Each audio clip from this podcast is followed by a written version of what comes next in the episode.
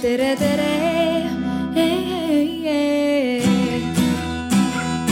Eestimaa.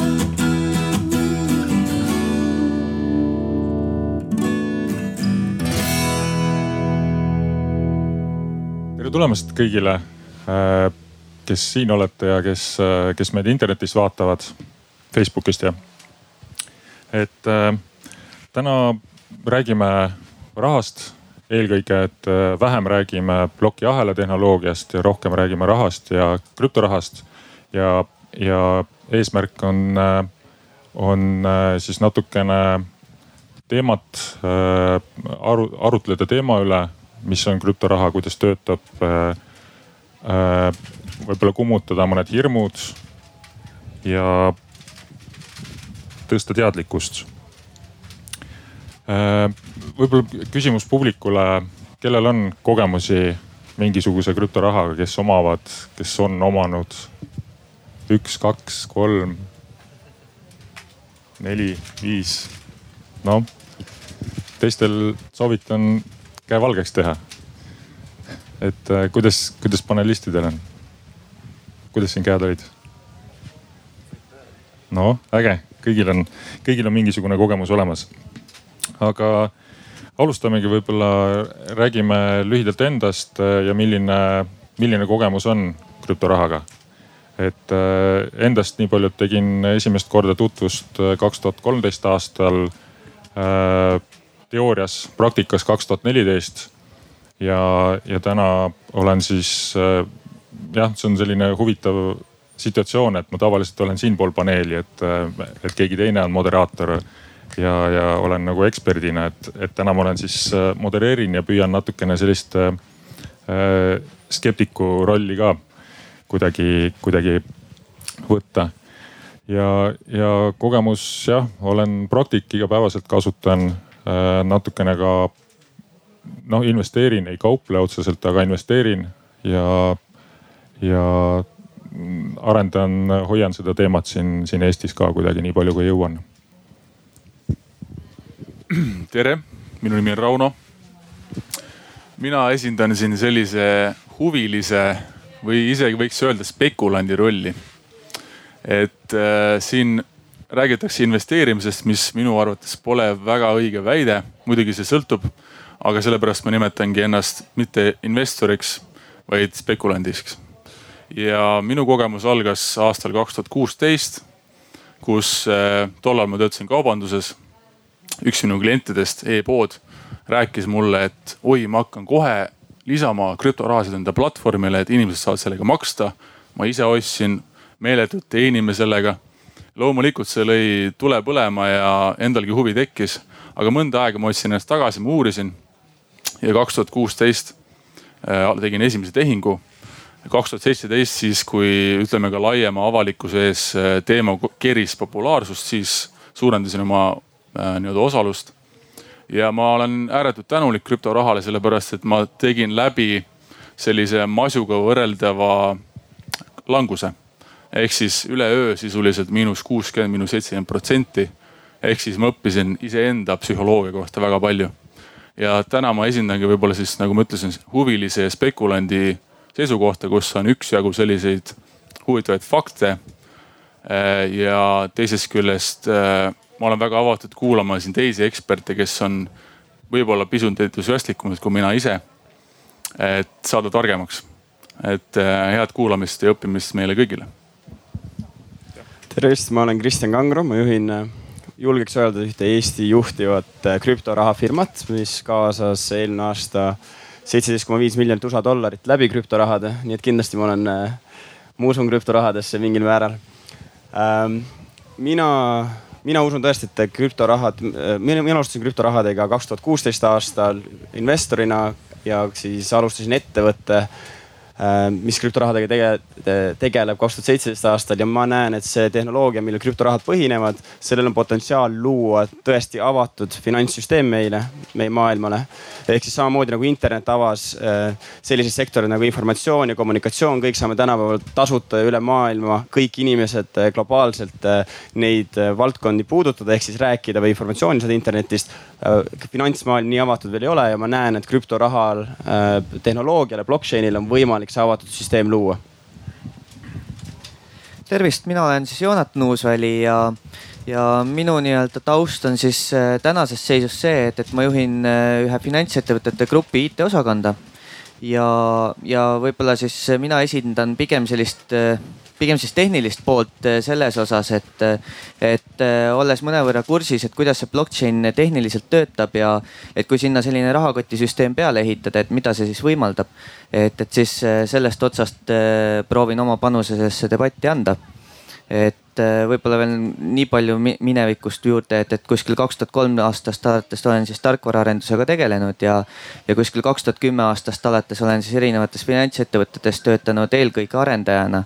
ja täna siis pigem äh, vaatan, äh, et arendustiim teeks, teeks seda, mida vaja on ja, ja, ja seda ka finantsettevõtete grupis. jah, kõigepealt see telefon heliseb siin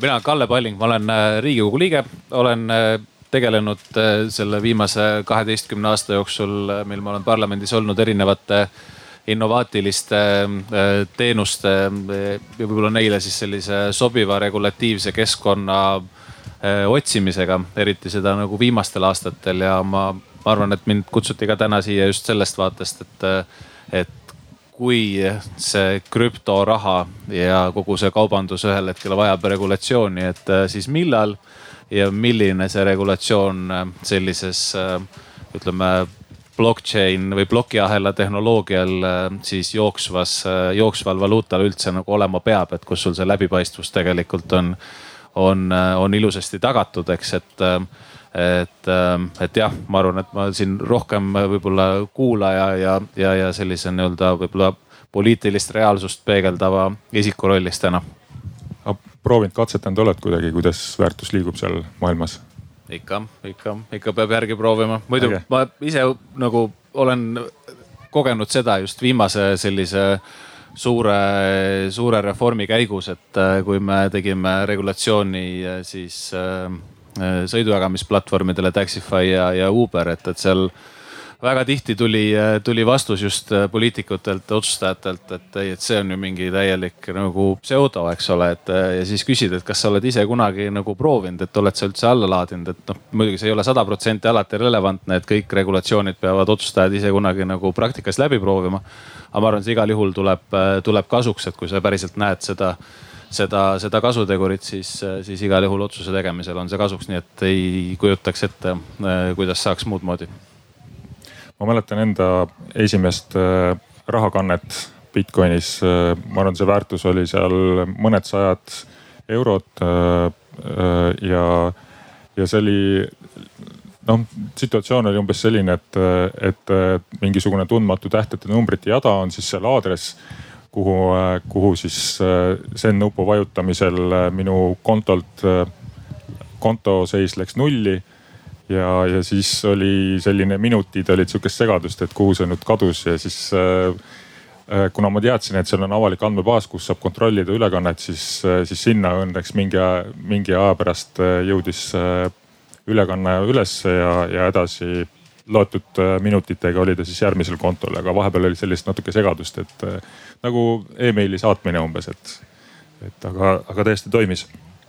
Äh, võib-olla selline traditsionaalne disclaimer ka selles maailmas äh, publikule, et, et investeerimissoovitusi me siin ei jaga et kõik, äh, no ma ei tea, juhul kui muidugi kellelgi ei ole investeerimisnõuandja ametlikku litsentsi, et aga loomulikult seda võiks öelda, et kui te otsustate investeerida, siis Change on kindlasti hea platvorm seda teha. et, äh, et jah, kõik omame siin oma isiklikku, jagame oma isiklikku kogemust ja arvamusi ja et, et see osa on, on selge. Äh, siis lähme järgmise punkti juurde, et äh, milline on tulevikuvaluuta või tulevikuraha ja võib-olla alustame sealt üldse. Et mis teie arvates on üldse raha, et mis teeb rahast raha, kui me nagu hästi laialt vaatame? ma võtan siis sõnajärje endale. tulevikuraha, põhilised rahaomadused on mõistagi likviidsus. raha peab olema likviidne, igal pool kasutatav, igal pool mõistetav, samas vääringus samamoodi. teisalt aga jällegi, kui me räägime efektiivsusest, et raha, ütleme üleüldse majandus on teinud läbi evolutsiooni ehk siis näiteks majandusteadlane Krugman on öelnud, et Bitcoin tooks meid tagasi evolutsioonis kolmsada aastat. ja põhjus on selles, et see on lihtsalt ebaefektiivne.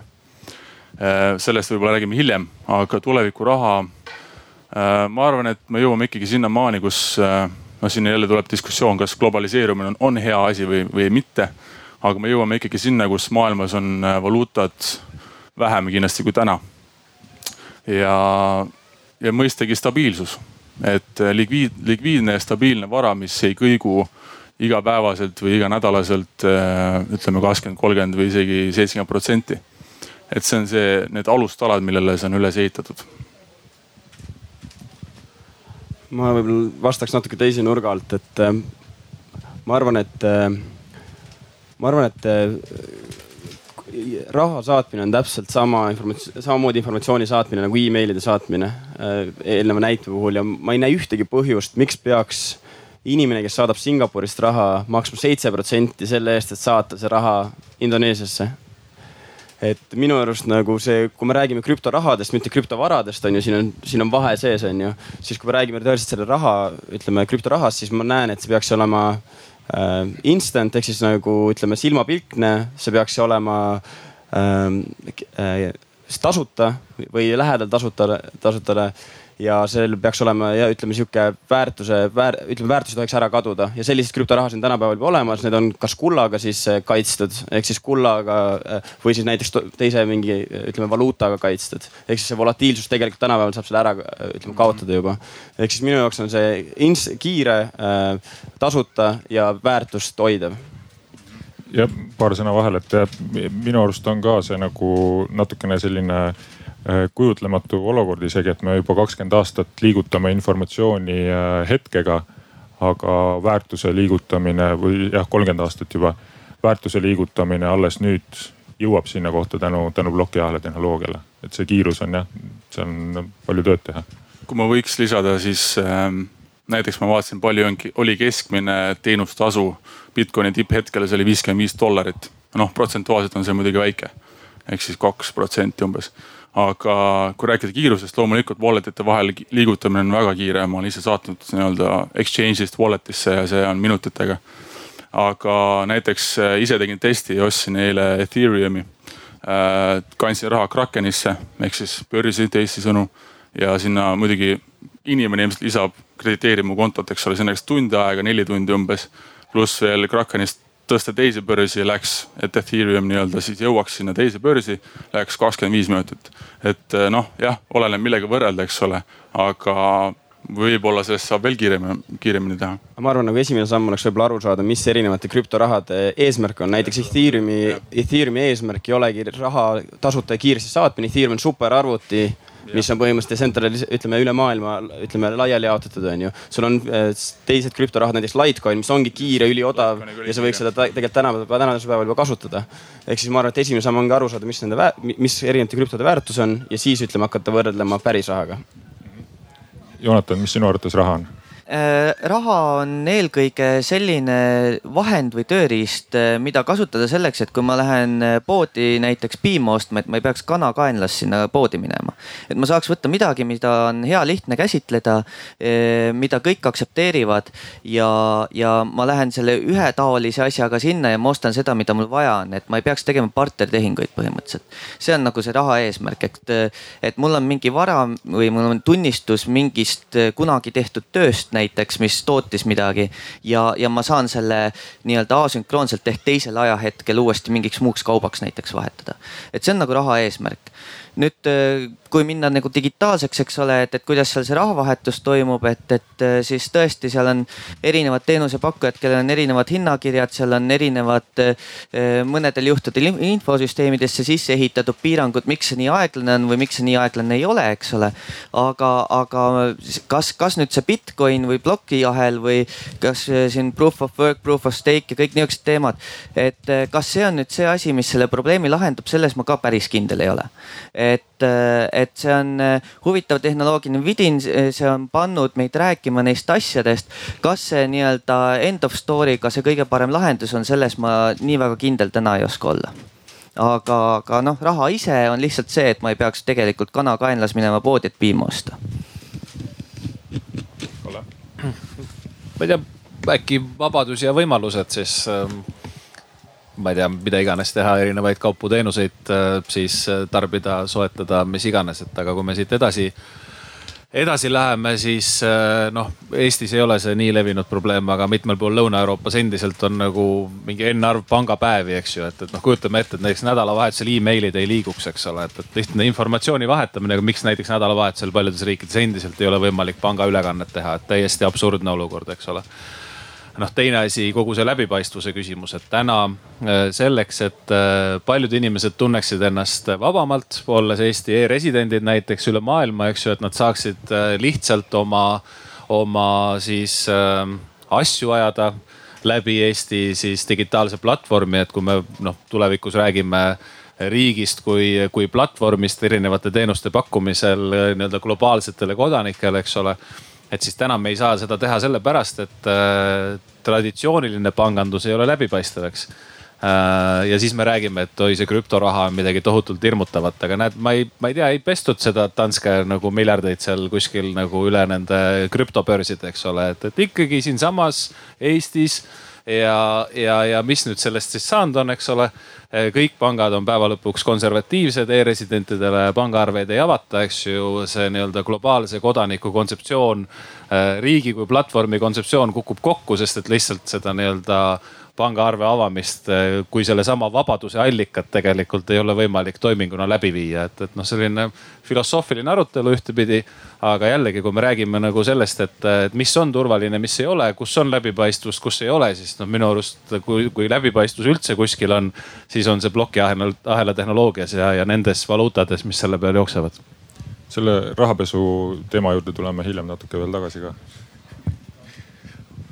tahtsid midagi öelda? ja ma tahtsin öelda, et väga õige, Kristjan, sa rääkisid Litecoinist ja ma tahtsin täpsustada, et see wallet ite vaheline tehing, mis toimuski minutitega, oligi Litecoinis. nii et tõesti jah, krüptovarade nii-öelda või krüptorahade õigemini äh, spetsialiseeritus on väga erinev aga ma tahtsin veel lisada, et äh, mis teeb nii-öelda valuutast valuuta, et valuuta või, või raha ei saa põhineda ainult usul ehk siis konsensuslikult äh, välja mõeldud väärtus, mis on väga problemaatiline et kui usk peaks vähenema, siis selle loogika järgi, selle suhte järgi peaks ka valuuta väärtus langema. et Krugman ütles ka selle kohta niiviisi, et äh, miks dollar püsib, miks ta on tugev, on see, et selle taga on valitsus ja selle taga on äh, mehed relvadega. ehk siis tänu sellele valuuta toimib, valuuta püsib. et sama kahjuks ei saa öelda ka krüptorahade kohta. küll aga, kui me räägime idealistlikust maailmast, kus kõik inimesed võiksid justkui ühineda ühe ühise eesmärgi taha ja uskuda sellesse valuutasse selle võimalustesse, siis loomulikult on see võimalik tegelikult päris ei ole nõus, et näiteks, et krüptorahadega ei ole, ei ole seda, et ainult inimeste usk ei ole krüptorahad. näiteks sul on tänasel päeval siukseid krüptorahasi, näiteks nagu DJX, mis põhimõtteliselt äh, on täielikult back itud kullaga. ehk siis see ei ole inimeste omavaheline ainult ütleme usk, kui sul reaalselt krüptoraha on ehitatud mingile teisele varale, näiteks nagu kuld ehk siis tänasel päeval sa võid selle krüptorahaga minna poodi ja reaalselt nagu kulla token itega nii-öelda maksta. jah, aga samas äh, võtame, kui palju oli ICO-sid eelmine aasta, ligikaudu üheksasada. ehk siis võtame näiteks selle, ma isiklikult ei oska peast öelda, et mis see protsent on, mis on tagatud millegagi. ma usun, et see on üsna väike, aga ma ei oska statistikat siia tuua võib-olla seal tagamise kohta tahaks nii palju veel lisada, et, et, et kui me räägime nagu krüptorahadest konkreetselt, et siis, siis see krüpto pool on palju olulisem ja kui see raha pool selles osas, et kui, et sul on erinevad väärtuskandjad, mis kas on tagatud või ei ole tagatud. ja neid saab erinevatesse tehnoloogiatesse ka panna, et, et noh, kõige esimene näide on see, et, et meil on olemas selline eh, indeks eh, noh, ta ei ole aktsiad ja ta ei ole otseselt fond, aga, aga noh, nimetame teda fondiks ETF, eks ole. et indeks ETF nimega GLD, mis on ka väga konkreetselt kulla hinnaga seotud ja kaupleb täiesti tavalisel börsil. et, et ma arvan, et, et hoopis olulisem punkt on see, et, et, et kas sellist samast, sama asja teha krüpto peal on nüüd mõistlikum või mitte. publiku hulgast oli üks küsimus. toon ei, ma pigem tahtsin öelda, et see on nagu kommentaar sellele, et kuskil üheksakümnendatel oli üks kirik äh, Türil äh, mis koos oli ühes korteris ja seal olid, äh, nad jagasid inimestele pakkumist, et et kui sa kannad kogu oma maise vara nende arvele ja nende nimele, siis sa saad taevasse ja seal on kullast tänavad. Ja kõik, kogu see tänav on kullast, et me võime öelda, et see lubadus on ka kullaga tagatud.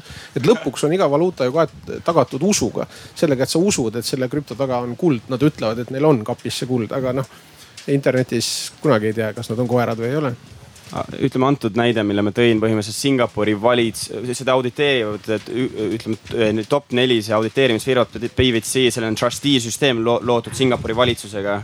ehk siis ma arvan, et äh, Singapuri valitsus, PwC on päris tugev audiitor antud case'ile regulatsioon on see, mis neid riske maha toob, et, et siis äh, tuleb ikka mingi regulatsioon peale ja regulatsioon tähendab seda, et regulatsiooni on võimalik jõustada, mis tähendab seda, et seda regulatsiooni tagab mingisugune jõuga asutus, eks ole, tihtipeale näiteks riik, et tal on võimalik trahve kirjutada, tal on võimalik igasuguseid asju, nii-öelda karistusmeetmeid ette võtta, eks ole jah, kas seesama Kullast tänavate ja, ja kiriku korterisse ehitamise siis nagu näide, et noh, et aga lähme täna kõik nüüd koos panka ja võtame oma raha sealt nüüd äh, välja, on ju. ja kõik Eesti inimesed teeksid seda nii-öelda kõikides pankades, et kas see siis nagu on seal olemas, eks ole, et, et see on ikkagi süsteem, mida me mida me usaldame ja võib-olla tihti, kui sellest krüptost räägitakse ka siin Eesti avalikus debatis äh, otsustajate poolt just eelkõige, et me räägime sellest tänasest päevast on ju, aga me ei räägi sellest tulevikust, et milline see võiks olla. et täna ju tegelikult on võimalik seda tulevikku ehitada.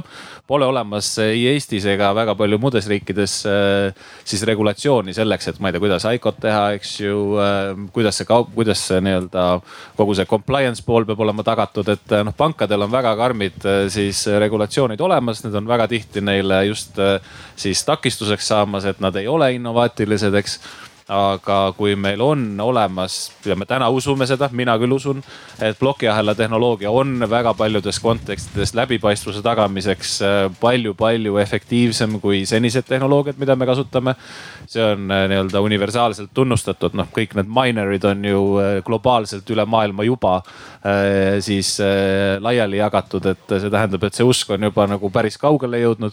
et noh, miks me siis ei proovi, et ma arvan täna on täiesti fifty-sixty, eks ju, nagu Nüganen ütleb, et, et, et kas see nagu õnnestub või ei õnnestu, aga ma arvan pigem, et see õnnestub. või, või sellel on tulevikku ja, ja miks mitte siis seda nagu katsetada ja riigi poolt boost ida, et see on meie võimalus. ma ei tea, meid on üks koma kolm milli, et teeme esimesena sellise toimiva regulatsiooni ja süsteemi ära ja, ja laiendame seda e-residentidele ja, ja ma ei tea, it's worth trying. ja publiku hulgast oli küsimus või?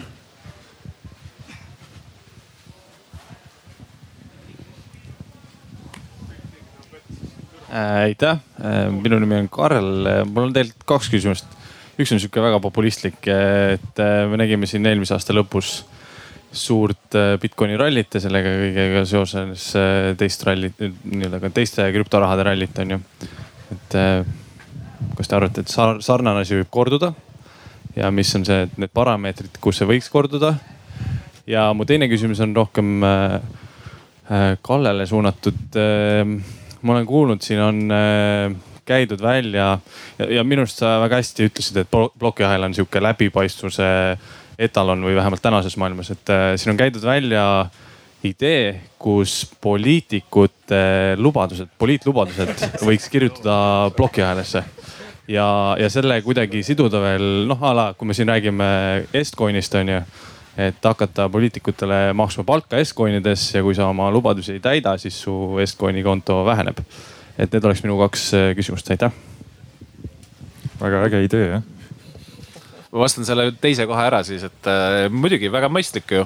ma arvan, et nendel token itel ongi äh, tulevikus selline ütleme väärtuspõhine siis äh, väärtuse arvestus. ehk et äh, ongi nagu, ma ei tea õigus äh, heale juhtimisele, eks ju. kui on, saad halba juhtimist, eks siis ongi selle token'i väärtus äh, langeb, ma ei tea, õigus puhtale õhule, kui õhk on Tallinna linnas saastatud, sellega ei tegeleta, eks ju, siis see nii-öelda väheneb ja, ja see kõik, kõik osapooled on huvitatud, et, et seda väärtust võimalikult kõrgel hoida, ehk et siis õhk oleks puhas poliitikute puhul lubadusi täidetaks, nad oleksid liidrid, mitte, mitte järelejooksjad, eks ole, mingid ebakindluse peegeldajad, mida me täna näeme, eks ole. et, et, et ma arvan, see on loomulikult ilmselt tulevik. ma homme kohtun ühe, mitte homme, ülehomme kohtun ühe delegatsiooniga äh, Prantsusmaalt, kes äh, ehitavad äh, siis protot hetkel veel e-valimiste süsteemi nii-öelda blockchain'i viimiseks, et see on natukene, natuke teine teema, natuke sarnane ilmselt nagu meie e-valimiste süsteemiga, aga põhimõtteliselt need asjad kõik sinna kodanikuühiskonna tööriistade juurde tegelikult juba liiguvad selle plokiahela tehnoloogial ka aga esimene küsimus oli? esimene küsimus oli selle jaanuari mulli kohta, et, et kuidas, kuidas seda kommenteeriti ja kas tuleb veel? Las äh, need tegijad kommenteerivad, et äh, mina arvan, et mulje tuleb äh, ju mitmes valdkonnas, me oleme näinud ju seda nii kinnisvaras kui igal pool mujal ka, nii et, et see jälle see usu küsimus, kui liider on väga-väga võimas, siis on võimalik igast nagu sellisest lainest kõva usk ja kõva mull tekitada. Ma ütlen, ma ütlen selle populistlikule küsimusele populistliku vastuse, et Bitcoin on kolm korda mulli läbi elanud, nii et vaadates minevikku, siis teoreetiliselt võib uuesti juhtuda hea vastus jah. ma lisaks sinna juurde paar äh, elementi, mis, mis võivad soodustada mullistumist uuesti. ja minu arust äh, mull on nagu stigmatiseeritud sõna üldse, et miks, miks see on halb. igas asjas on mullid või siis tõusud ja mõõnad, kuidas keegi nimetab. aga üks äh, element seal on kindlasti nii-öelda vaalad. krüptorahas tähendab, krüptomaailmas tähendab see seda, et on olemas kontod, mis omavad väga suurt osa krüptorahast ehk siis erinevatel andmetel umbes tuhat Bitcoini aadressi omavad nelikümmend protsenti kogu Bitcoinist. ehk siis kui noh, seal siis tuleb järje, järjekordne termin krüptomaailmas pump and dump ehk siis kui vaalad soovivad mingisugust muudatust turul, siis on neil selleks võimalus, sellepärast neil on lihtsalt nii, nii suur mõjuvõim siis teiseks välised tegurid, näiteks masu. keegi ei oska arvata, näiteks Kristjan arvas, et mõjub hästi krüptole. ma arvan, et see on täiesti reaalne, et inimesed otsivad kuhu paigutada oma raha, noh julgemad vähemalt. ja, ja, ja nii-öelda true believer'id niikuinii. ja kolmandaks äh, sõltub nüüd, äh, mida, mida, mis, mis suunas see krüptomaailm liigub. et äh, kuidas regulatsioonid hakkavad toimima, kuidas suudetakse nii-öelda turundust teha. Change Pank näiteks väga hea näide, suudab turundust teha.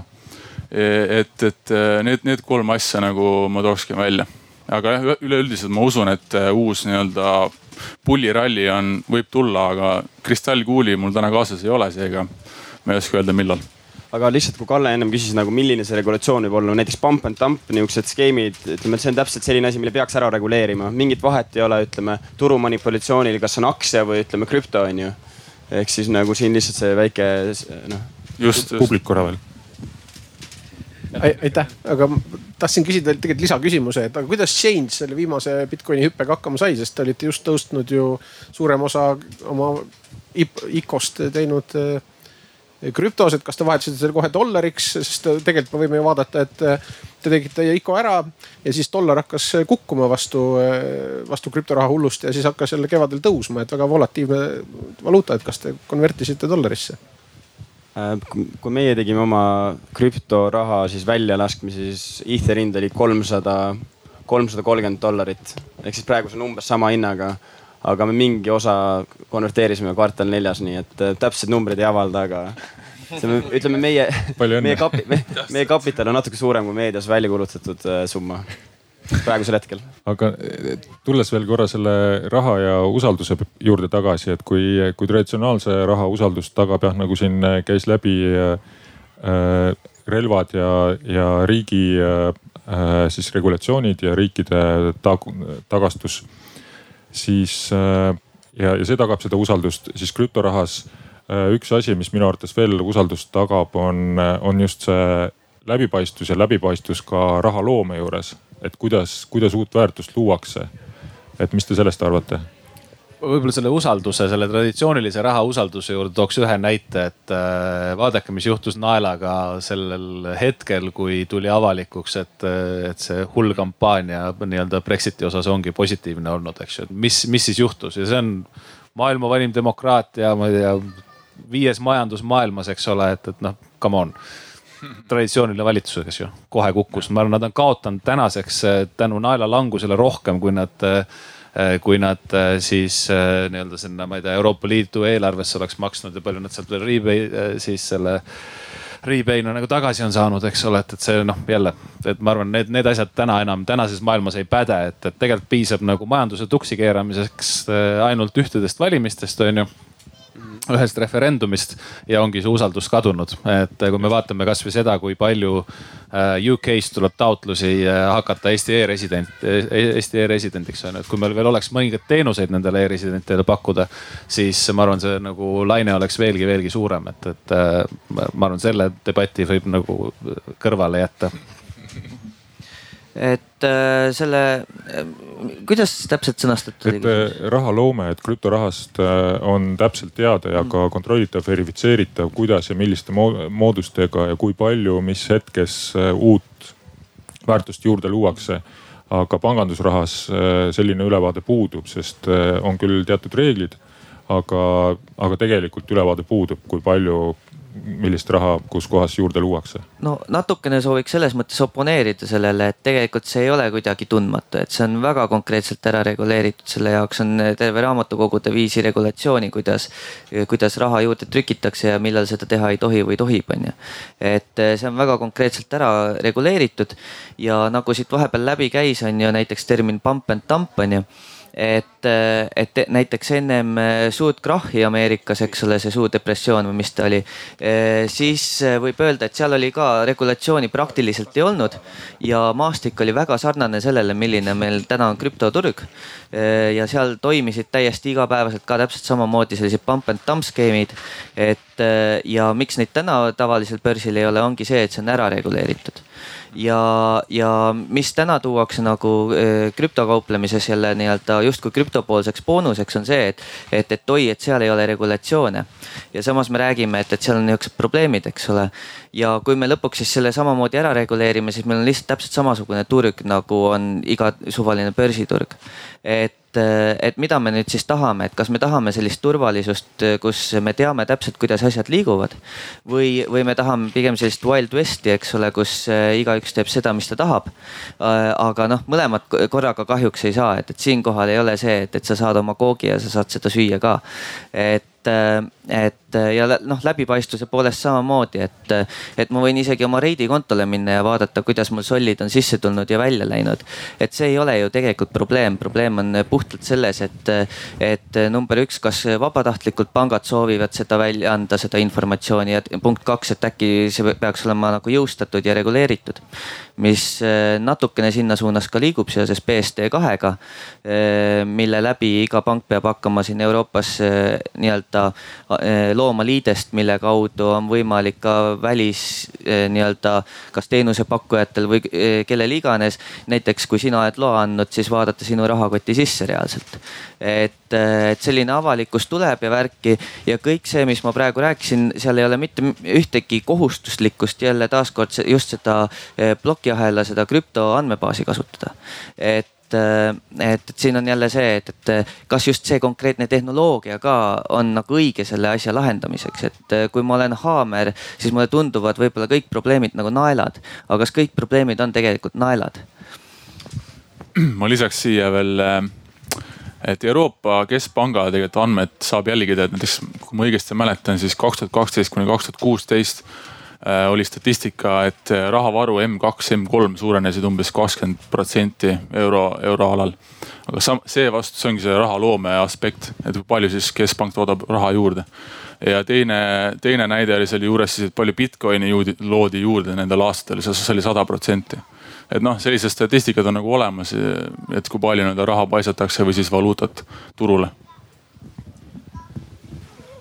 ja et ütleme, mu küsimus oli, et kas see mõjutab, ütleme, see väärtusloomet krüptorahades siis kindlasti mõjutab, sellepärast kui inimesed kaotavad usu sellesse, ütleme, et tekib inflatsioon sellest eh, raha printimisest. Eh, ütleme siis eh, loomulikult see mõjutab krüptoturge on ju, krüptoturud lähevad ülesse aga üleüldiselt näiteks, mida me Change'is üritame teha me üritame luua sihukese põhimõtteliselt sulle rahakoti, kus sa võid ise valida, milliseid varasid sa hoiad, sa võid hoida nagu ütleme, plokiahel lubab sul tokenize ida asju. ehk siis sa võid kulla tokenize ida, aktsiat tokenize ida, sa võid põhimõtteliselt kõik varaklassid teha hästi väikesteks osadeks, üks, üksteise vahel neid ütleme kanda.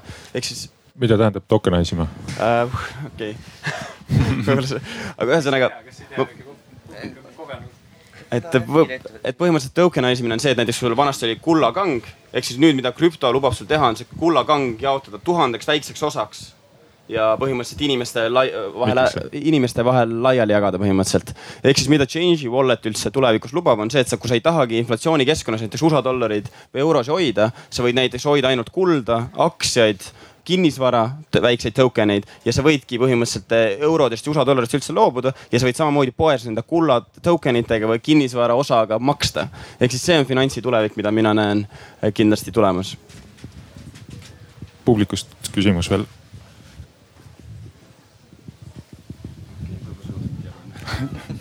kas äh, siin ei teki nagu sedasama probleemi, mille ees me täna natuke oleme, et et see samamoodi tsentraliseerib selle kullakangi, noh, keegi peab seda kullakangi ju hoidma, onju et, et kuidas nagu noh, et, et, et tekib ikkagi see tsentraliseeritud probleem, et mingisugused noh, kas see on siis Chains või see on mingi muu pank, haldab seda vara.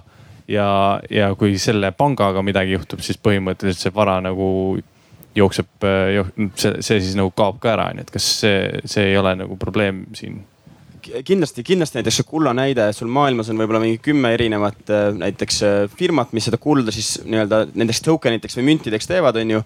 kindlasti siin ütleme, tsentraliseerimise probleem on, aga ütleme ma arvan, et inimestel peaks olema vabadus, mida nad tahavad hoida, kui nad näevad, et inflatsioonikeskkonnas USA dollar näiteks kaotab väärtust kiiremini kui kuld, siis nad peaksid seda lihtsalt ja kergesti saada omada ja vahetada ja sellest ka maksta, kui vaja.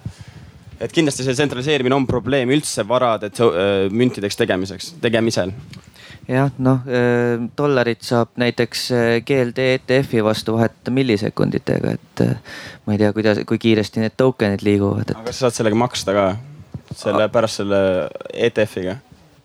samamoodi nagu täna ma saan krüptoga siin maksta, ehk see konverteeritakse maksuhetkel euroks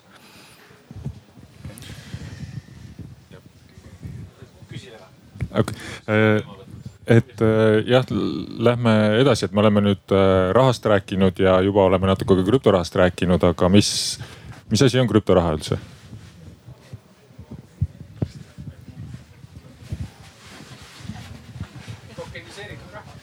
okei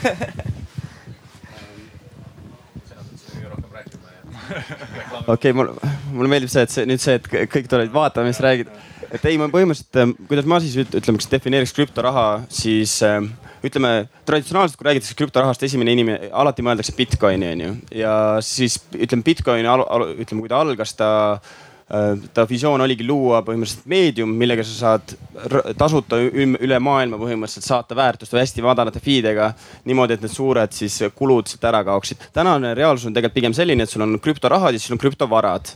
ehk siis ta, ütleme, sul on näiteks äh, sihukesed valuutad näiteks nagu Bitcoin või Litecoin ja siis sul on põhimõtteliselt aktsiad, ma ei tea, kuld, mingid äh, huvitavad projektid, mis sul on ka tokeniseeritud ära ähm, mis jah, ma arvan, krüptoraha ongi ikkagist, äh, kui krüptorahast konkreetselt räägime, see on, see on ikkagist äh, medium exchange inglise keeles, ma ei, ma ei oskagi seda, ütleme eesti keelde panna kahjuks. jah Või võib-olla tehnilise poole pealt äh, võib ka nagu sellele vastata, et mis on krüptoraha, et, et krüptoraha on äh, äh, nii-öelda äh, raamatupidamisprogramm, mille andmebaas on äh, äh, salvestatud äh, blockchain'i stiilis olevasse andmebaasi. see on nagu kogu lugu, mis krüptoraha on, et tegemist on raamatupidamisprogrammiga, seal on see ledger, eks ole. ehk siis lihtsalt debit, credit kanded, eks ole, kust kuhu. ja, ja, ja ta lihtsalt on natukene teistsuguses andmebaasis kui võib-olla iga traditsiooniline andmebaas ja, ja kuidas? No selles suhtes globaalne, et ta peab olema access itav globaalselt, mis tähendab seda, et igasugused replikeeritud klassikalised andmebaasid on täpselt sama globaalsed.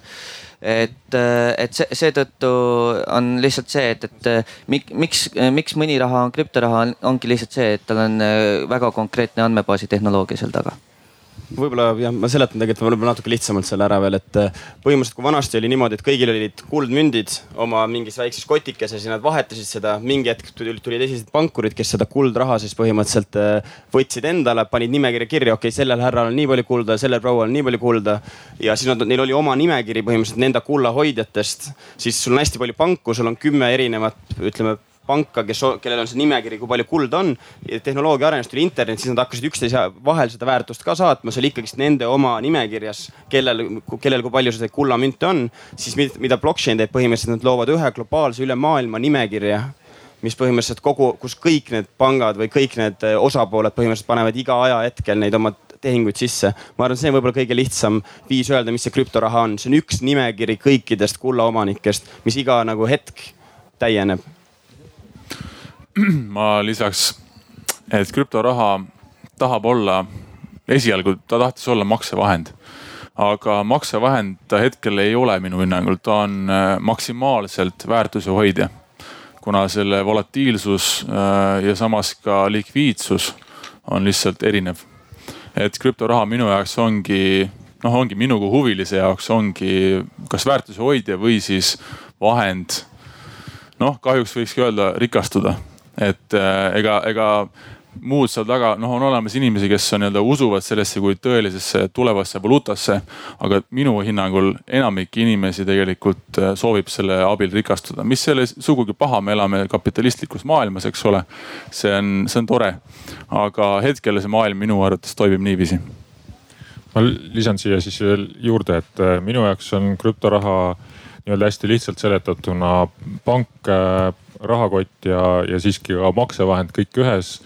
Äh, kusjuures selliselt, et äh, seal puudub kolmas osapool, kelle, äh, keda mul ei ole vaja usaldada.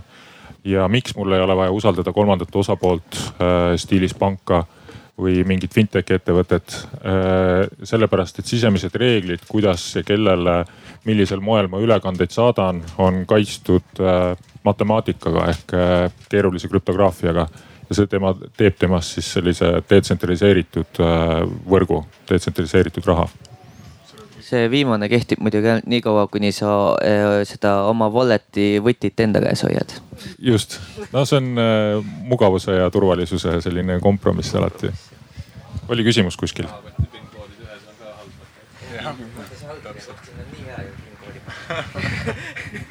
tervist, minu nimi Johan. küsimus järgmine, et minu meelest hetkel ta kehtib valuutana, aga valuutana sellel, sellel määral, et sa saad näiteks minna dark web'i, osta sealt palgamõrv äh,, narkootikume, relvi. niimoodi, et mitte keegi teada ei saa. et, et, et sellisena ta toimib ja kas ta nagu siis nagu propageerib kuritegevust mingil määral või aitab sellele kaasa? okei okay võib-olla ma vastaks sellele, kuna ma ise juhin krüpto, krüpto startup'i, et esiteks alustame sellest, et eh, kui minna üldse nagu detsentraliseeritud eh, ütleme tehnoloogiatele, kui sa võtad interneti tehnoloogiana alguses, tead, millised esimesed veebsaidid olid või? seal müüdi relvu, seal oli pornograafia oli kõige üks põhiline asi. samamoodi praegu me vaata internetti tagasi ja mõtle, et oi, me ei oleks pidanud seda üldse tegema, onju. ehk siis loomulikult see on algusfaasis, ei ole reguleeritud, sul on kindlasti negatiivsed connotation'id ka, onju. aga minnes tagasi sellele ütleme siis sellele, mida sa sellega reaalselt teha saad, mille eest sa maksa saad. näiteks Change'il on oma pangakaart, mille sa võid põhimõtteliselt detsembris saada. inimene sul võib Indoneesiast saata põhimõtteliselt null kuluga Litecoini ja sa võid minnagi selle meie, meie välja antud Visa kaardiga ja maksta poes sellega. sa võid kohvi osta krüptorahadega läbi meie toote Eestis või igal pool mujal maailmas, kus Visa network'i toodetakse äh,, toetatakse ehk siis see on täiesti reaalsus tänasel päeval, see on juba täna, sa võid krüptorahadega ja Visaga igal pool maailmas maksta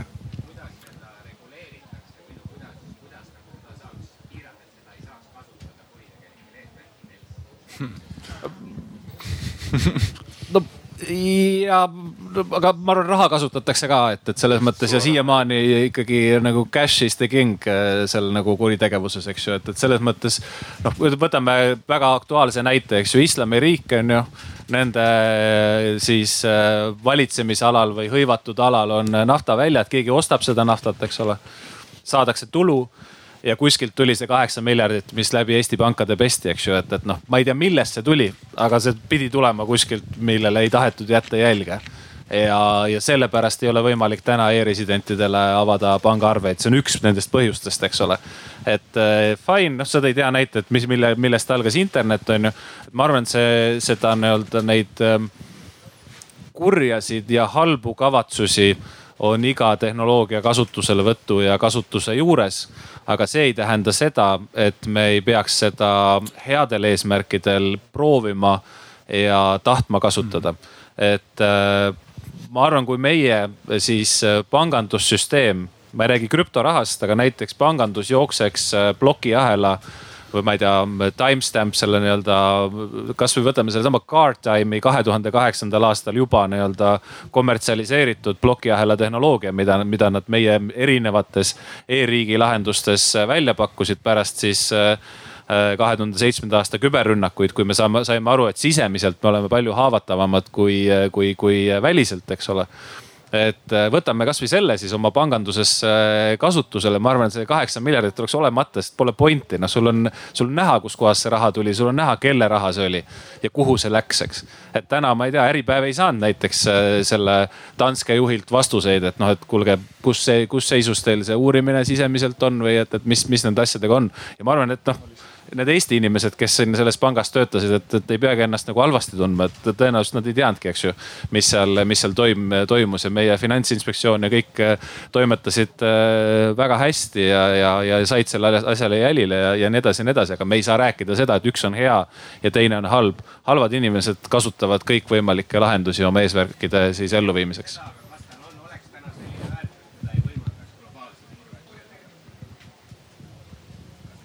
päris hüpoteetiline küsimus. hästi hüpoteetiline jah, nüüd mul siin kõrvalt äh, sosistati ka, eks ole, et, et noh, samamoodi noh. mis oleks, äh, mis oleks nafta hind, kui äh, kogu nafta oleks, ma ei tea, demokraatlike valitsuste kontrolli all, eks ole mm. -hmm. aga ma arvan, et ma võtaks Kalle selle, selle, selle sõnavõtu ühe lausega kokku, et ainuke asi, mis on rohkem anonüümne kui kui see, kui Bitcoin on USA dollar või mis on vähem, ütleme anonüümsem, on USA dollar, ehk siis Bitcoini sa näed, kus sa reaalselt lähed USA dollarit, sa annad ja on kõik läinud, on ju. sularaha jah. ma Sularaha. tahaks rääkida, et ähm, internetiga võrdlusi on päris palju tehtud, dotcom'i buum ja nii edasi, aga on ka näiteks äh, tehtud selliseid analoogiaid. et blockchain ja üldse krüptomaailm äh, on tänasel päeval umbes sama kaugel, kui oli internet aastal üheksakümmend neli ja samamoodi ma vaatasin, äh, kui kaua võttisid, võtsid üldse tehnoloogiad aega, et jõuda nii-öelda massi äh, kasutuselevõtuni ehk siis üheksakümmend protsenti elanikkonnast. auto seitsekümmend viis aastat, äh, internet kakskümmend kolm aastat, mobiiltelefon seitseteist aastat, külmkapp nelikümmend aastat, auru, auru nii-öelda siis mootor sada aastat ja nii edasi. et äh, ühesõnaga me peame andma aega ka nii-öelda plokiahela tehnoloogiale ja krüptorahadele, et areneda, sest see on lihtsalt alles ühe, nii-öelda üheksa aastat, kui ma õigesti mäletan. üheksa aastat aega olnud, et arendada, see on kõik nii algusjärgus ja siit tulenevadki nii-öelda probleemid on ju. aga ma tahaks küsida Kristjani käest näiteks kui räägite maksevahendist, olete, mul on Ethereum on olemas wallet'is, tahan maksta. et kuidas äh, see konverteerimine täpselt käib nagu ostujõu, jõu suhtes. et kui ma lähen poodi, oletame, ma olen eelmine päev arvestanud, mul on, ahah, mul on üks Ethereum umbes kolmsada eurot. Lähen poodi ostma mingit asja, näiteks ma ei tea, telefoni, mis maksabki umbes kakssada midagi eurot aga näiteks äh, järgmine päev on toimunud suur nii-öelda langus, see on väga must näide, mis ma toon lihtsalt näite huvides. näiteks Ethereum on langenud viiskümmend protsenti ehk siis minu ostujõud tegelikult euro suhtes on ju langenud. et kuidas te, teie süsteem nagu toimib? Äh, kuidas me change'is teeme, on niimoodi, et äh, põhimõtteliselt äh, ostuhetkel me vaatame, kas sul on oma, meie rahakotis piisavalt palju krüptoraha. Kui sa ostad ära, tegelikult me oleme selle raha juba nagu USA dollarites nagu põhimõtteliselt, me maksame selle kohe ära ja siis automaatselt meil on nagu ehitatud otsetee selle börsiga, kus me lihtsalt samal hetkel kohe teeme selle vahetuse. ehk siis mingi murdosa sekund või mingi väike osa meil on see nii-öelda exposure selle volatiilsusele. aga põhimõtteliselt ja me teeme selle reaalajas Äh, online'ist äh, tuligi küsimus ka volatiilsuse kohta, et teadupärast krüptorahad on äh, ütleme siis keskmistest varadest oluliselt volatiilsemad. Et on ideid, kuidas selle volatiilsusega toime tulla? üks on äh, rohkem kasutajaid, aga loomulikult äh, ma arvan, et tänasel päeval meil on juba krüptorahasid, mis ei ole volatiilsed. näiteks meil on USA dollariga back itud äh, krüptoraha, meil on kullaga back itud krüptoraha, meil on erinevaid siukseid stabiilseid münte, mida me oleme loonud. ehk siis Bitcoin tõesti on volatiilne, aga tänasel päeval ma oskaks nimetada väga palju väga stabiilseid coin'e või münte et võib-olla siia kõrvale on äh, pigem see, äh, võib-olla see küsimuse taust on pigem see, nagu see, et, et meil on ju tagamata tavalist valuutat, mis nii volatiilne ei ole, et, et kuidas siis nagu Bitcoinis nagu seda osa lahendada. et, et äh, seal ma nüüd ei mäleta, mitmes, kes tublimad koolis olid, neil on meeles, et mitmes Newtoni seadus see oli, aga mida suurem mass sul on, seda rohkem energiat on sul vaja, et seda suunda sellel liikuval objektil muuta, eks ole. ehk kineetilist jõudu ehk siis krüpto krüptovaluutadega täpselt samamoodi nagu ükskõik mille kaubeldavaga on see, et kui sul on lihtsalt mass taga, sul on mingisugune fundamentaalväärtus ka olemas. noh, mida krüptovaluutadel, mis on tagamata, noh tegelikult üldse ei ole, on ju. et äh, aga fundamentaalväärtus annab kindlasti kaasa, aga kui sul on vähemalt ta pidevalt ja suurelt käibeldav äh, hästi laialdaselt, siis äh, selline nii-öelda tavaline igapäevaelu annab selle, sellele valuutale sellise massi, et, et kaup, kaubeldes ja kauplejad ei saa enam seda nii palju kõigutada. et selline mass kindlasti aitaks kaasa äh,. sujuvalt oleme juba järgmisse plokki liikunud, et äh,. oli küsimus? ahah. ja siis liigume järgmisse plokki nii väike küsimus pigem Kalle Pallingu suunas, et tõite siin välja Danske panga juhtumit ja, ja kuidagi jäi nagu arusaam, et, et kui Danske pangas juhtus sellises äärmiselt regula-, reguleeritud valdkonnas, siis noh, sellises krüptoraha valdkonnas ka selliseid asju juhtub. aga praegu see valdkond on pigem äärmiselt reguleerimata. et kuidas me liiguksime selles suunas, et seda valdkonda reguleerida, kaitsta väikeinvestoreid ja, ja nii edasi. et selliseid asju, mis toimub mis, mis on võimelised toimuma äärmiselt reguleeritud keskkonnas, ei saaks seal reguleerimata keskkonnas toimuda. aitäh. aitäh küsimuse eest, kas äh, sobib, kui võtame selle viimases plokis, et siis me puudutame seda teemat kindlasti veel? ma ennem tegelikult vastasin äh, esimese osa sellest ära, et seda nagu ma ei usu, et plokiahela tehnoloogial jooksvate valuutade puhul sellist asja oleks tehtud, sest sellel pesul ei ole pointi sul on jälg maas, kust on raha tulnud, kust on raha läinud. ja see on nii, nagu me siin rääkinud oleme, globaalne süsteem, kus sul on kõik layer'id on üksteise otsas, sealt ei ole võimalik midagi kuskilt vahelt välja võtta ja et, et seda ei oleks olnud, küll aga ma olen nõus, et regulatsiooni mingil kujul on vaja. ja ma loodan, et me ühel hetkel jõuame selleni, et, et milline see siis võiks olla. aga seda kindlasti on vaja oluliselt vähem, kui, kui seda tänase nii-öelda panganduse puhul, ma ei tea, kas ta on traditsiooniline või mitte, kuidas me seda nimetame, aga, aga noh, seal on just see tehnoloogiline erinevus, mis, miks on ühel vaja karmi regulatsiooni, et see oleks universaalne. ja, ja teisel on seda vähem vaja, kuna igal pool on jälg niikuinii olemas. hästi kiire repliik võib-olla, et, et see, et, et plokiahelas on kõik kirjas, eks ole, et kust kuhu läheb, et, et see veel os, oma, iseenesest ei lahenda probleemi, et probleem laheneb siis, kui me teame ka, kes otspunktides on. plokiahela just see kriminaalse poole nii-öelda boonus ongi see, et, et otspunkti luues sa ei pea ennast identifitseerima, see on ka see, miks pangad kardavad äh, välismaalasid, äh, välismaalaseid, eks ole.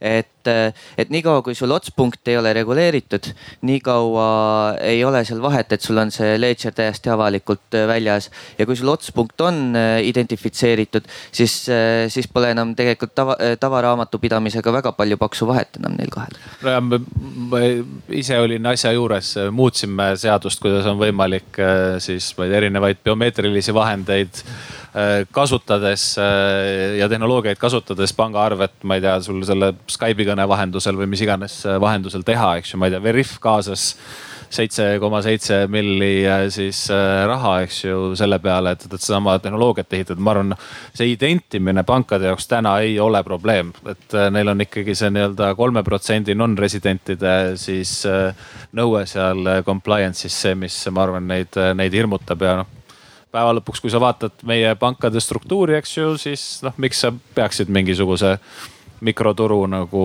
äh, siis äh, ma ei tea, mikroarvu e-residentide pärast üldse nagu liigutama oma sisemises poliitikas mingit protsenti tõstma või mitte, et.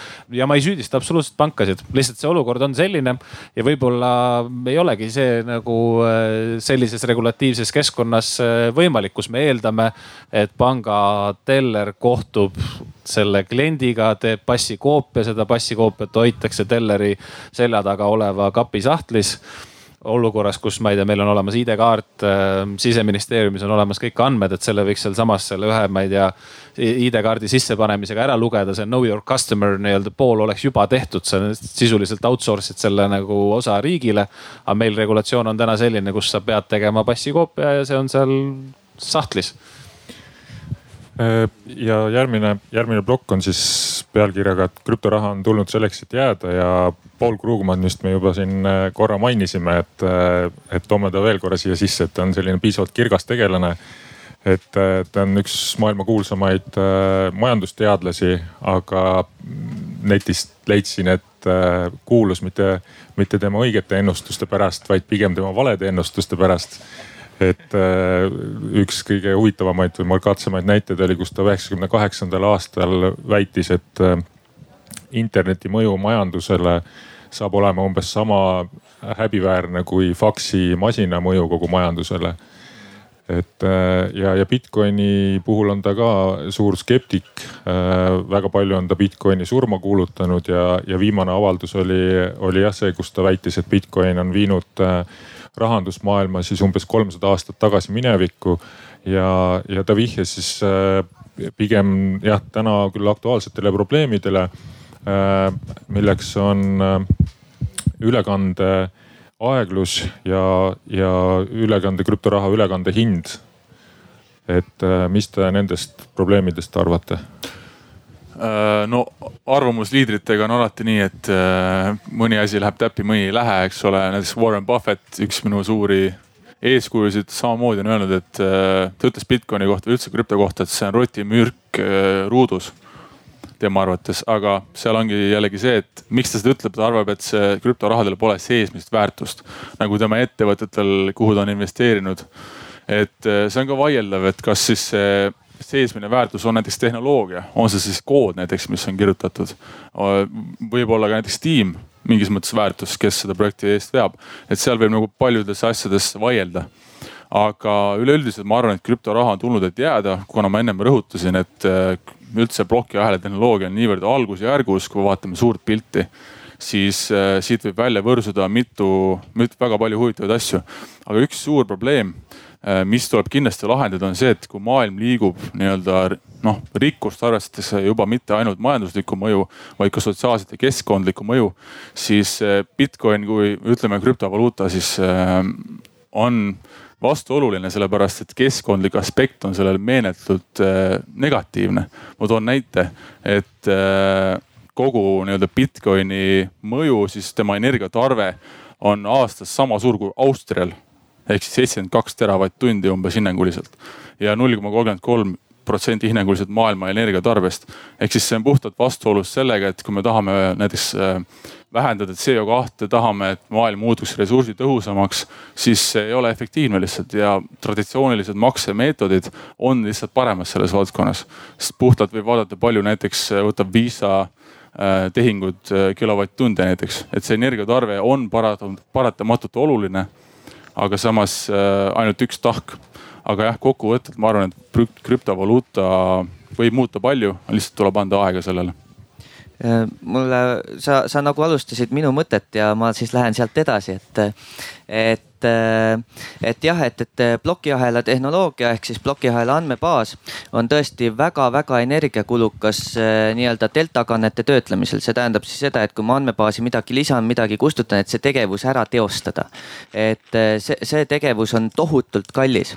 et, et siin just toodi välja, et Austriaga sama suur energiakulu ja siis sellega suudetakse siin, ma võin nüüd eksida, aga noh, neli, neli-viis kannet sekundis äkki ära teha, on ju et. keskmiselt, ma arvutasin välja keskmiselt kaks koma viis hetkel. okei okay selline lugu, eks ole. nüüd, kui ma endale ostan klassikalise arvuti endale koju viiesaja euro eest, mis võtab kakssada vatti, mis on kahesaja vatise voolutarbega, siis tema suudab mu laua, laua all surisedes umbes kolmkümmend tuhat kannet teha tavalisse andmebaasi ehk siis äh, siin on jälle see, et, et kas see tehnoloogia on mõistlik sellise funktsiooni äh, nagu täitmiseks. et äh, kui me räägime krüptorahast, siis ta kasutab seda plokiahela tehnoloogiat. kas see on reaalselt mõistlik sellise probleemi lahendamiseks? härrad, kas ma võin lihtsalt seda öelda, et teate, mitu krüptorahad maailmas on või? neli tuhat tead, mitmest krüptorahast te rääkisite praegu või? ühest. kui te võtate kolmanda kõige suurem krüptoraha, mis on näiteks Bitcoin Cash selle energiatarve on murdosa sellest, kui te võtate Litecoini, see on murdosa sellest. ma Või... rääkisin tehnoloogiast, et äh, see on kõikide okay. plokiahelatega no. niimoodi kõikide ploki, ei ole, kõikide plokiahelate Pro,. Proof of stake'iga sa kaotad äh, selle demokratiseerimise ära, et, et äh, sa pead proof of work'i vaatama sellel juhul. Proof of stake'iga energiakulu on null sul on teist, teistmoodi, sul on Bitcoinil on ainult väga kõrge energiatarve, kui sa võtad näiteks Bitcoin Cashi, sa võtad Litecoini, nende energiatarve on murdosa. ma nõustun, ma segan vahele, aga. siis teil üldistaks krüptorahasid Bitcoinile. ja, aga see näitab ju seda, et krüptoraha äh, areneb tegelikult edasi. et Bitcoin oli alles algus, eks ole, ja see ongi nii-öelda, kuidas öelda krüptoraha üks punkt null, eks ole, et sealt ma tahtsingi öelda, me peame sealt edasi liikuma ja me olemegi liikumas. samas niikaua, kui sul on plokiahel, on sul äh, jätkuvalt ploki äh, suurus ja niikaua, kui sul on äh, plokiahela tehnoloogia, sa jooksed kogu aeg uuesti vastu seina, sa suurendad seda ploki suurust, eks ole. sa optimeerid võib-olla, kuidas kanded on ploki sisse sinna kokku kogutud, mida siis kinnitatakse, eks ole. sa võid kõiki neid teha, aga sa pidevalt uuesti ja uuesti ja uuesti jooksed uuesti vastu sedasama seina. sa võtad selle seina vahelt ära, aga tegelikult sa lihtsalt nihutad selle edasi edasi jooksed uuesti vastu seda. ehk eh, plokiahela tehnoloogia sellise tiheda andmevahetuse stiilis või tihedalt ja palju andmete loomiseks eh, ta ei skaleeru ta lihtsalt ei skaleeru. klassikaliste andmebaaside replik-, replikeeritud andmebaasid skaleeruvad palju-palju eh, paremini kui plokiahela andmebaasi tehnoloogia.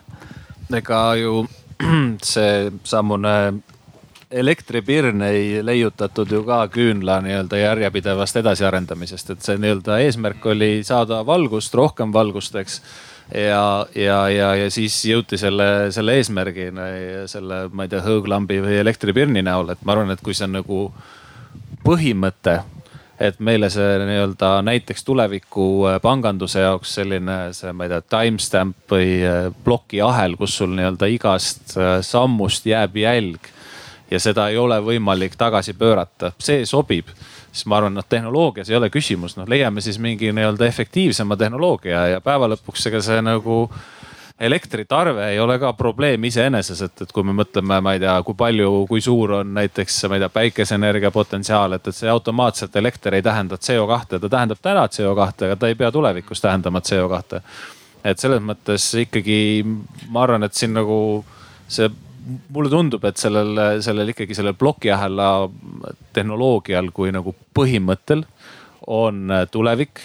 Äh, kui meil täna on juba neli tuhat erinevat krüptovaluutat, siis, äh, siis, siis see näitab, et tegelikult väga palju katsetatakse, proovitakse erinevaid tehnoloogiaid ja see, seda usku inimestes juba on.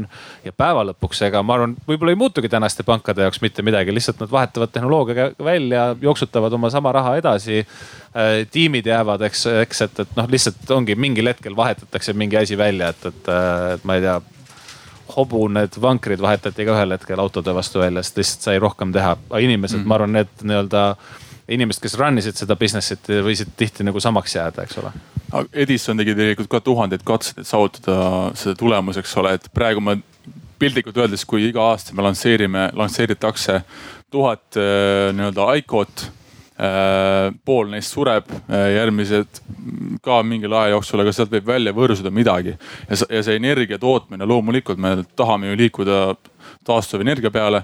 aga kindlasti ei ole see küsimus lahendatav mitte päevade või kuude, vaid pigem aastate või kümnenditega. aga jällegi, siin on see murrangulise tehnoloogia aspekt, mida ei oska ette ennustada. siin vist ühe asja ütleks, et, et võtame kasvõi Moore'i seaduse, eks ole, et, et ma arvan, see lihtsalt tehnoloogia areng on oluliselt kiirem järgmiste aastate jooksul, kui ta seni on olnud. puhtalt sellest nii-öelda äh, seadusest tulenevalt, aga siin äh, see Vishen Lakiani, kes pidas seda Mindvalley University't äh, Tallinnas kus väga paljud eestlased ka käisid juulikuus, siis tema on kirjutanud hästi oma, oma raamatus, et et järgmise viie aasta jooksul äh, tehnoloogiliselt ja selle nii-öelda tehnoloogia tarbimise mõttes maailm muutub sama palju, kui ta on muutunud viimase saja jooksul. nii et noh, selles mõttes meil ikka väga palju ka aega pole, et, et seda, seda nii-öelda tehnoloogilist revolutsiooni oodata ja katsetada kindlasti ja katsetame tulevikus ka, ega see midagi ei muutu. aga, aga jah, et see ei ole nii, et noh, vaatame, vaatame ülejärgmistel valimistel, mis me nende krüptovaluutadega teeme. Enne ma mainisin, et see tehnoloogia aktsepteerimise nii-öelda aeg on, eks ole ja see kõver on ju, et see läheb aina kiiremaks, ehk siis selle räägibki kaasa see, et plokiahela omaksvõtt potentsiaalselt võib olla palju kiirem kui eelnevad tehnoloogiad. ehk siis see aeg lüheneb lihtsalt, et äh, see on väga hea minu arvates informatsioon liigub kiiremini jah. jah, äh, et äh, nii palju ma võib-olla mainiks ka juurde, et, äh, et siin kuskil kümme-viisteist aastat tagasi, see oli küll rohkem tehnilises ringkonnas, aga oli ka selline olukord, kus räägiti nii-öelda kahest fundamentaalselt erinevast näiteks andmebaasi tehnoloogiast. kes on rohkem kursis tehnikaga, siis see oli selline see SQL versus NoSQL nihukene kaklemine omavahel. ja, ja si sellest ajast, sellel ajal oli see, et, et siis oli õudselt popp ja ja uus oli see, et kui sa ehitasid oma infosüsteemid selle NoSQL-i peale, et sina seda vana SQL asja ei kasuta, et sina võtad selle uue asja kätte. ja, ja reaalsuses oli see, et, et kolme kuni viie aasta jooksul enamus ehitasid kõik oma infosüsteemid uuesti nullist ülesse, sellepärast et nad valisid vale tehnoloogia. Nad valisid asja, mis oli popp, nad valisid asi, asja, mis müüs, millel oli marketing value täiesti olemas. aga, aga see oli täiesti vale tehnoloogiline valik nende reaalse infosüsteemi eh, nagu funktsiooni funktsioonide lahendamiseks. et eh, küll aga, mis juhtus, oli see, et väga palju rohkem said inimesed, eh, eelkõige siis arendusseltskond, see liikus rohkem sealkandis, eh, said tarkvaraarendajad rohkem teada, et näe, selline, sellise, sellist moodi saab ka andmeid talletada. ja edaspidi nüüd, kui tõesti on selline ülesanne, mis vajab nagu nüüd teistsugust andmebaasi, siis NoSQL-ist inimesed teavad ja õigel ajal nad võtavadki selle tehnoloogia kasutusele. et mina näen näen, et see plokiahela teema on meil samasuguses staadiumis nagu omal ajal oli SQL versus NoSQL. ehk praegu teda pannakse nagu väga igale poole lihtsalt sellepärast, et tal on see marketing value ja kõik muu olemas. Äh, aga pikas perspektiivis tema suurem kasu on see, et meil on lihtsalt tagataskus üks tööriist veel juures. Äh, need, kes neid tööriistu saaksid kasutada, nad teavad sellest ja siis need mõned üksikud äh, tehnoloogiad või mõned üksikud teenused, mida nad soovivad mingi äriga näiteks pakkuda. et, et siis need mõned üksikud saavad nüüd tehtud, sest nüüd inimesed teavad blockchain'ist. et äh, ta on kindlasti kasulik asi, lihtsalt ma arvan, et ta praegu väga üle võimendatud, kuidas teda kasutatakse. täiesti, täiesti nõus jah, korralik haip on ümber, ümber blockchain'i praegu. aga korra tulles veel tagasi selle kaevanduse elektri kulu peale et seda on äh, väga tükk aega juba aastaid äh, esile toodud kui, kui jah, ühte, ühte sellist miinuskohta aga, aga samas, äh, kui mõelda niipidi, et äkki see ongi okei okay hind maksta selle eest, et selle asemel, et, et toetada pangandusüsteemi, kontoreid, inimesi, kes seal töötavad, servereid, kes kogu neid andmebaase, infrastruktuuri üleval hoiavad. et selle asemel äh, maksta siis äh, detsentraliseeritud võrgule, mis puhtalt matemaatika abil pakub seda usaldust, maksta võib-olla natuke rohkem, aga selle asemel saada siis sealt vabadus censorship resistance ehk siis äh, noh mm, tsenseerimisvabadus nii-öelda, et, et keegi ei kontrolli, milliseid sa kandeid sa teed. Äh, ja, ja võib-olla odavamalt, mingis mõttes odavamalt ülekanne, globaalsed ülekanded. et võib-olla see ongi okei okay, hind maksta selle detsentraliseerituse eest versus tsentraliseeritud lahenduse eest no ka tsenseerimisprobleem on ju plok, plokiahelas ka olemas, et, et äh, kui sul on piisav hulk minereid, siis sul on võimalik panna oma plokke kokku niimoodi, et sa kogu aeg jätad seda ühte transaktsiooni sealt keskelt välja. et, et plokiahelas on täiesti selline ründevektor sees olemas. Siis jah ja see selles mõttes, kui me tahame nagu, et nagu vahetada üks halb asi teise vastu ei kõla nagu minu jaoks nagu väga magusalt. et, et minu arust võiks tulevik olla selline, kus vara liigutamine ongi väga odav, et hea kui lausa tasuta on ju et, et üks halb asi vahetad teise vastu nagu ei ole minu jaoks magus. ja, ja siit, siit ongi nagu sellel, sellel, sellel loomal on kolm jalga ja see kolmas jalg on näiteks see, mida tegelikult Transferwise ju teeb, et, et ta sõna otseses mõttes hüppab pankadele, kandadele, ta tingimata ise ei kasuta küll mingit plokiahela tehnoloogiat, sest noh, tegelikult see ei pea olema plokiahela tehnoloogia seal taga. aga, aga ta sõna otseses mõttes sööb pankade kasumeid just sealt, kus pangad kasseerivad selle seitse protsenti sealt Indoneesiast, eks ole. et eh, ta väga konkreetselt lõhub just seda ärimudelit. probleem on meil ju nendes ärides, mitte tehnoloogias. et, eh, et nüüd, kui Transferwise'ile veel kaks konkurenti ka tuleks ja nad hakkaksid omavahel kaklema eh, vabal turul, eks ole, mitte et Transferwise kakleb ainult pankadega, eks ole. et, et ka sealt võiks nagu päris palju nagu edasiminekut tulla okei okay,, aga lähme liigume viimasse plokki, ohud ja võimalused. et äh, juba puudutasime ka siin regulatsioone, et äh, mis te arvate, kas, äh, kas sellisel kujul nagu regulatsioone täna luuakse, kas nad üldse aitavad?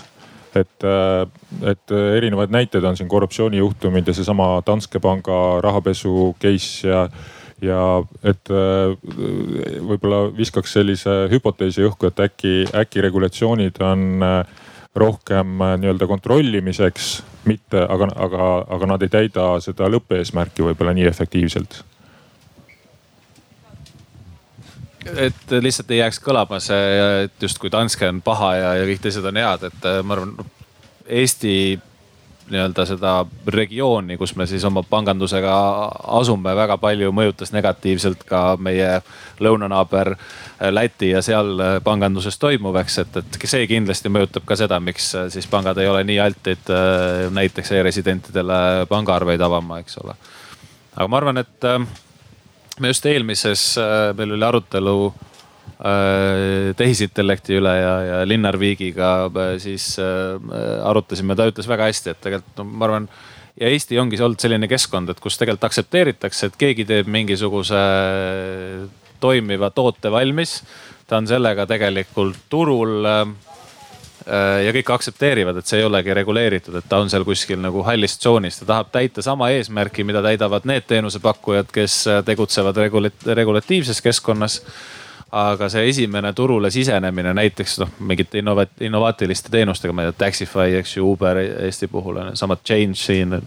tõstab raha ilusasti, mis siis, et regulatsiooni pole ja inimesed saavad, saavad toimetada, pangakaardigi need lasevad äh, välja detsembris, eks ja inimesed saavad äh, rahulikult sellesama äh, siis Bitcoini eest endale kohvi osta poes piltlikult, et ma ei tea, siin alles Peeter Koppel mingil hetkel pani kuskil sotsiaalmeedias, et kuulge, tõstke käsi, kes on viimati äh, Bitcoiniga kuskil makstud. ma arvan, et väga paljud selleks hetkeks olid juba ammu Monisi pangakaardiga seda teinud, et, et selles mõttes on ikkagi see exchange ju selles võtmes toimub toimib ja minul ei ole ka retsepti, et, et milline see regulatsioon peaks olema ja kindlasti tuleks võtta põhimõtteks see, mida me tegime Uberi ja Taxify äh, siis äh, reguleerimisel, et me ühele vähendasime ja teisele panime peale, tulime sinna nagu keskpõrandale kokku, äh, saigi ütleme moodsam, oluliselt moodsam siis taksoregulatsioon, kui, kui see varem oli.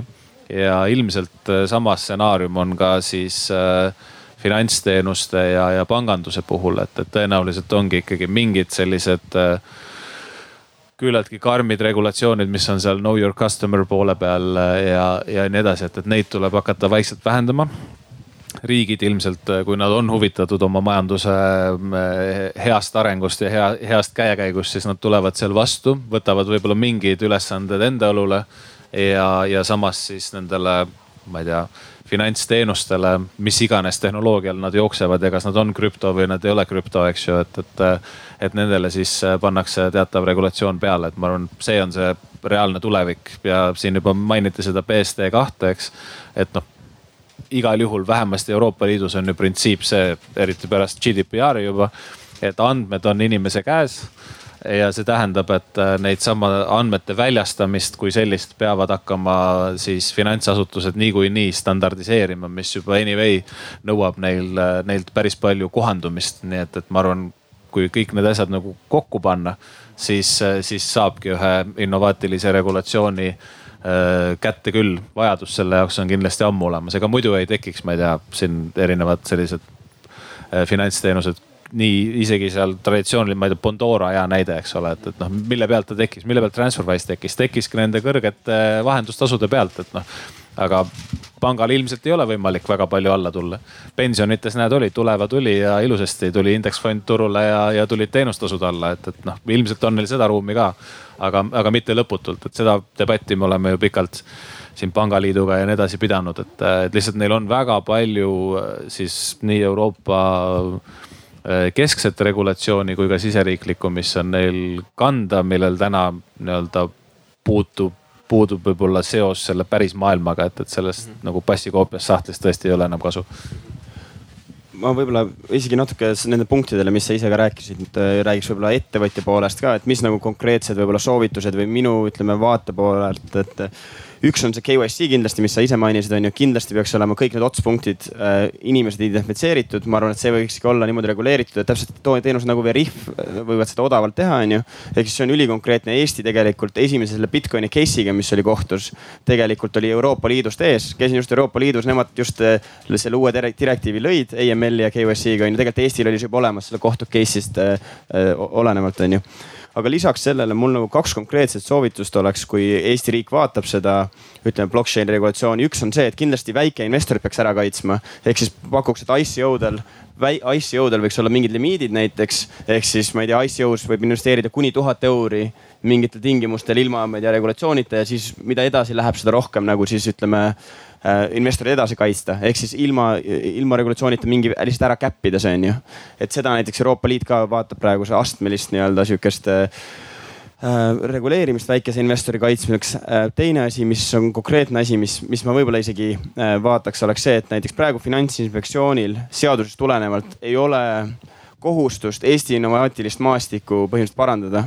ehk siis üks asi, mida võib mõelda, on see, et seadusesse kirjutada, et finantsinspektsioon teeb kõiki neid praeguseid põhimõtteliselt eesmärke täidab, mis on põhimõtteliselt kaitseks, on ju.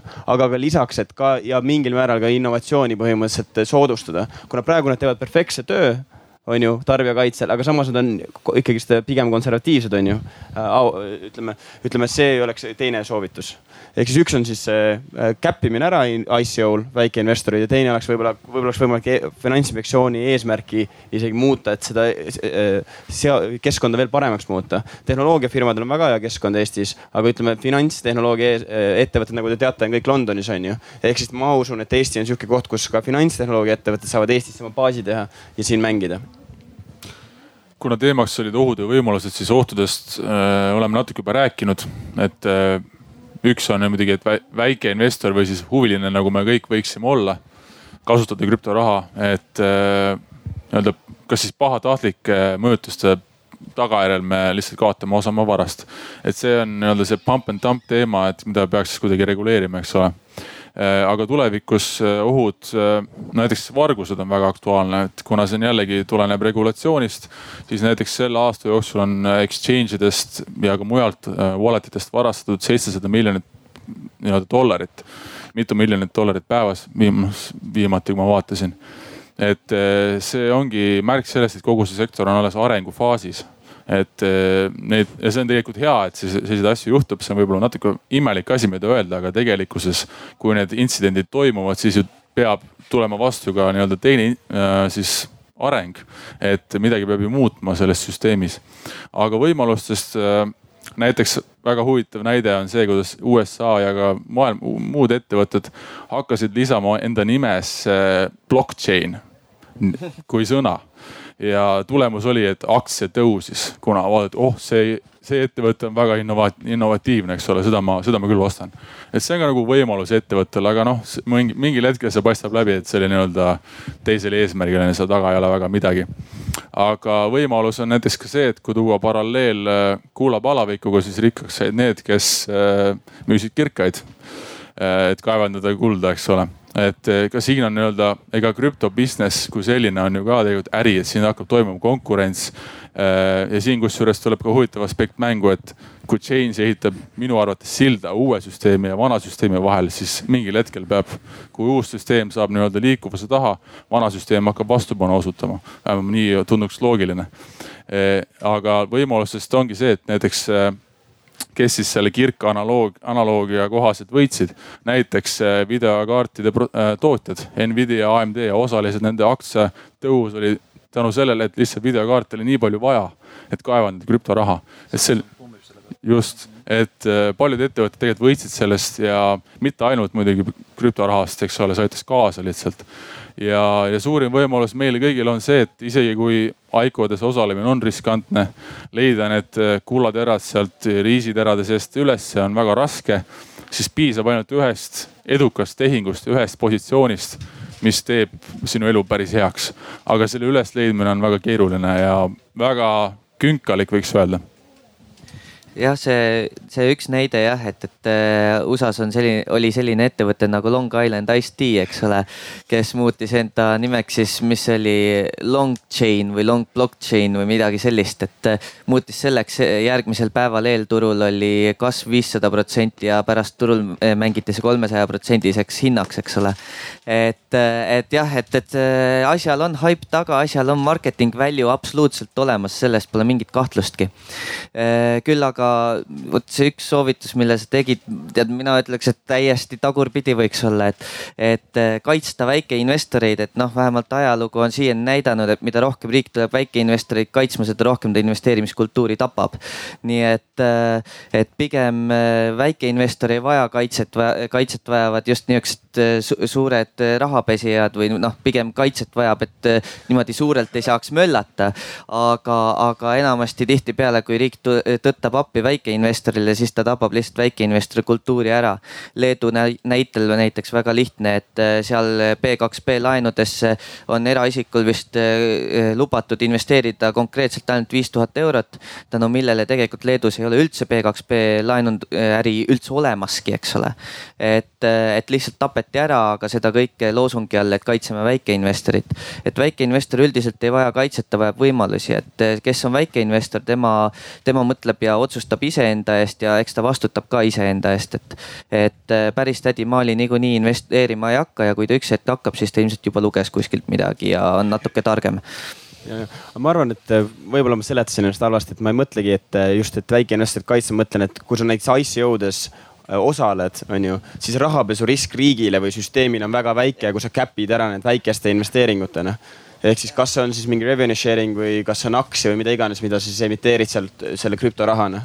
Et äh, ma pigem mõtlen just selles mõttes, et see peaks, võiks olla erinevad siuksed astmed, kui on hästi väike näiteks see minimaalne investeering ICO-sse, siis põhimõtteliselt jätta see täiesti reguleerimata, siis on suuremad summad juba siis seda reguleerida ja nii edasi see on äh, jah, väga head soovitused. üks, äh, mida ma lisaks lihtsalt, mida ma olen ise vaadanud, et, et ilmselt tuleks reguleerida, on see, et täna siis finantsinspektsioon eeldab, et et ja kogu see väärtpaberituru seadus, eks ole, et, et see eeldab, et iga isegi väike ICO, mida ma ei tea, väike investor tahab teha oma siis äh, ICO, eks ju, mingisugusele, ma ei tea, käsitööõlle tootmisele näiteks mm. Ja ta peab tegema samasuguse prospekti, eks ju, nagu ma ei tea, Tallink, kes läks äh, siis äh,, tegi IPO on ju või Tallinna Sadam on ju, et noh, see lihtsalt ongi võib-olla cap ida nagu seal mingid need äh,, need mahud ära ja, ja tõesti ongi väiksematele kapitali kaasamistele.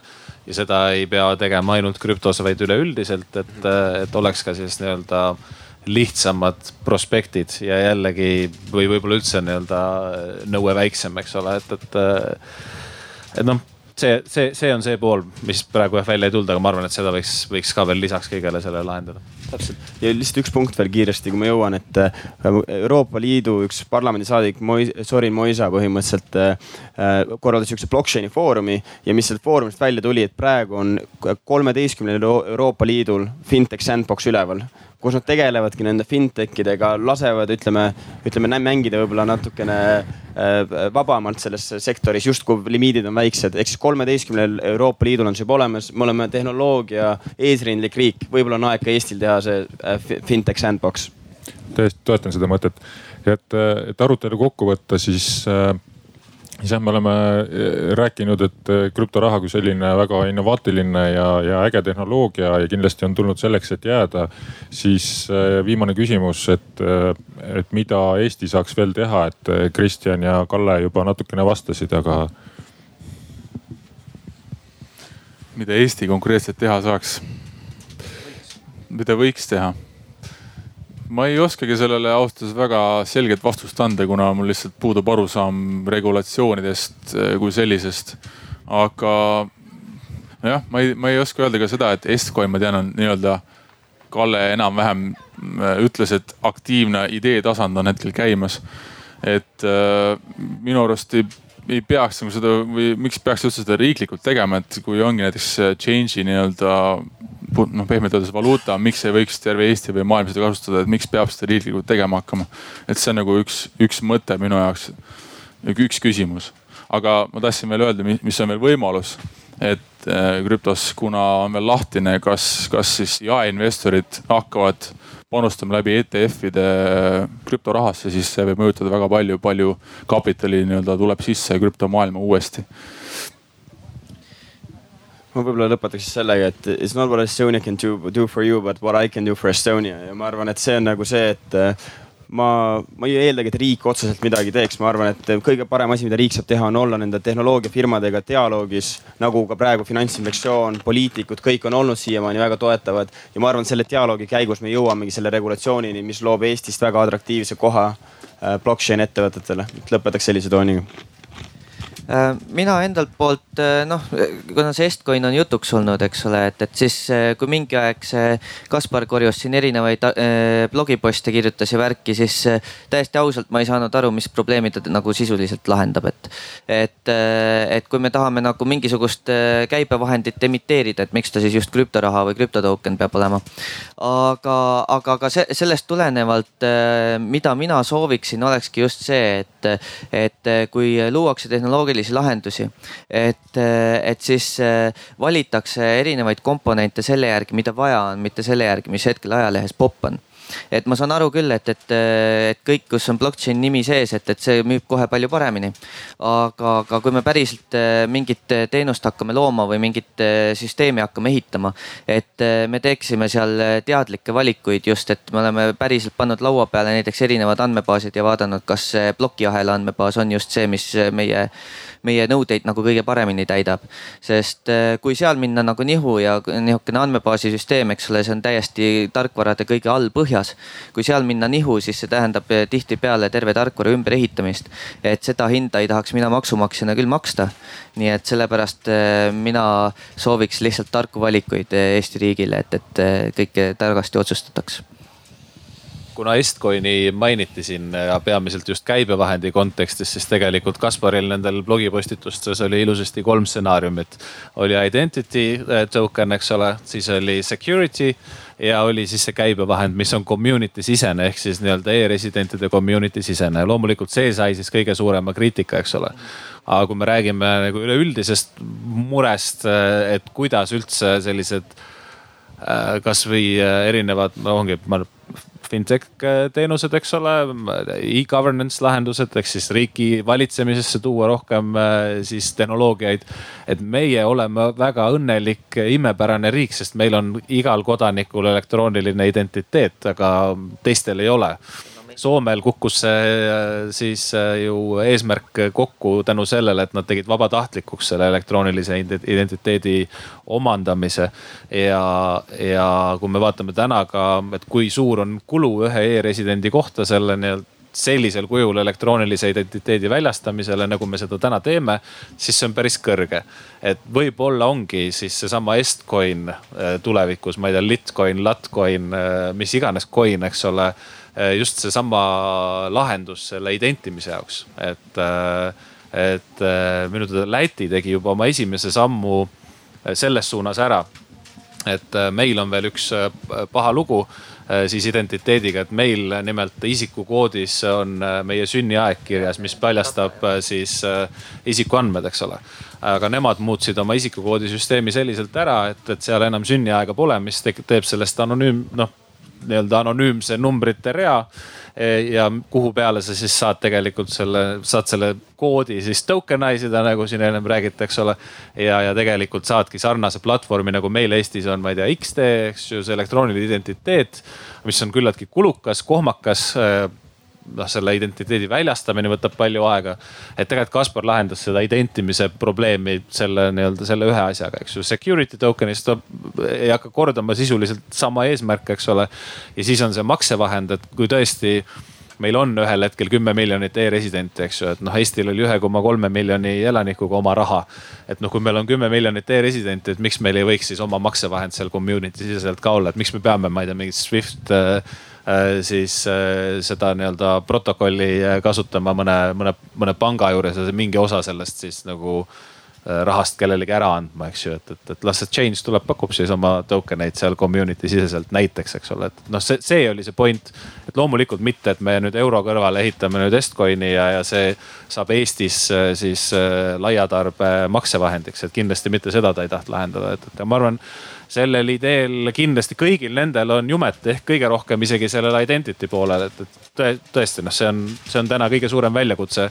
et e-teenused kui sellised saaks buumida, et, et kus see nii-öelda, kuidas sa selle identiteedi, selle Veriffi pakutava siis nagu tuvastusega seod on? aga sellega siis äh, lõpetaks täna, et suur aitäh paneelile, suur aitäh publikule online'is ja kohapeal ja liigume siis järgmistele aruteludele